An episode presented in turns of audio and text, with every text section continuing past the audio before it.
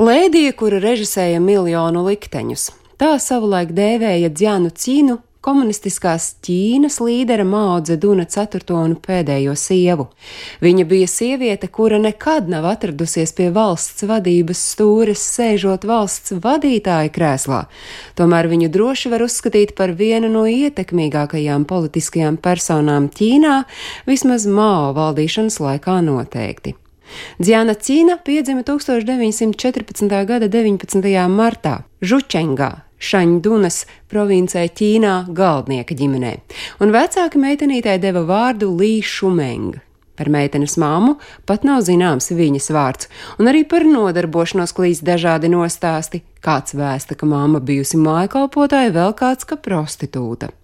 Lai nu kā, kad meitenei bija 12 gadu, nomira tēvs, un viņai nācās strādāt cigarešu fabrikā, jo māte pēc tēva nāves nav varējusi abas uzturēt. Dažus gadus vēlāk Džana aizrāvās ar aktieru mākslu, iestājoties eksperimentālā teātra un drāmas skolā. Kļūstot par profesionālu aktrisi, sieviete pieņēma skatuves vārdu Lan Pinga, kas tūkojumā nozīmē zilais ābols, un viņa filmējusies vairākās filmās, un to dēļ arī guvusi plašu atpazīstamību. Paralēli aktrises karjerai viņa iesaistījās komunistiskās partijas jauniešu atzarā, un, kad Japāna okupēja Šanhaju un pārņēma tajā bāzēto kino industriju, viņa pievienojās revolucionāriem spēkiem. Būdama aktrise, jaunā sieviete bija iesaistījusies vairākās romantiskās afērās un pat apprecējusies, un arī ar skandālu vēlāk izšķīrusies. Pēc pievienošanās revolucionāriem viņa ātri kļuva par Mao favorīti un abu starpā aizsākās romantiskas attiecības. Tas bija 1938. gada rudenī, kad Mao Dzeduns joprojām bija precējies ar savu trešo sievu.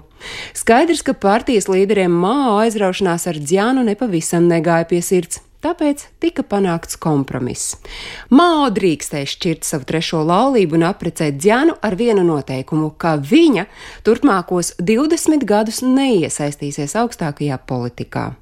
Un tā 1938. gada 28. novembrī nelielā privātā ceremonijā abi apprecējās, bet pēc diviem gadiem piedzima abu vienīgais kopīgais bērns meita Līna.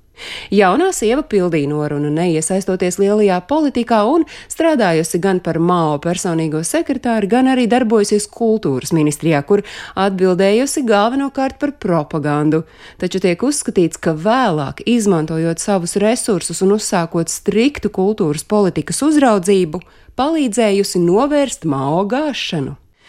Šajā laikā Dziana bija pagavusi atriepties arī visiem tiem, kuri bija vainojami pie viņas nobīdīšanas no politiskās skatuves.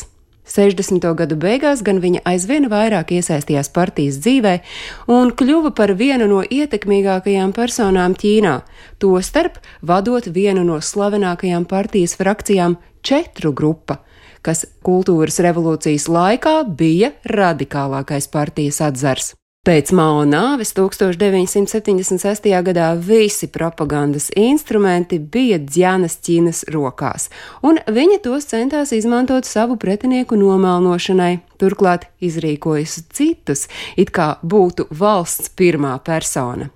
Tomēr jau dažas nedēļas pēc Mao nāves četru grupa tika gāsta un vēlāk publiski tiesāta.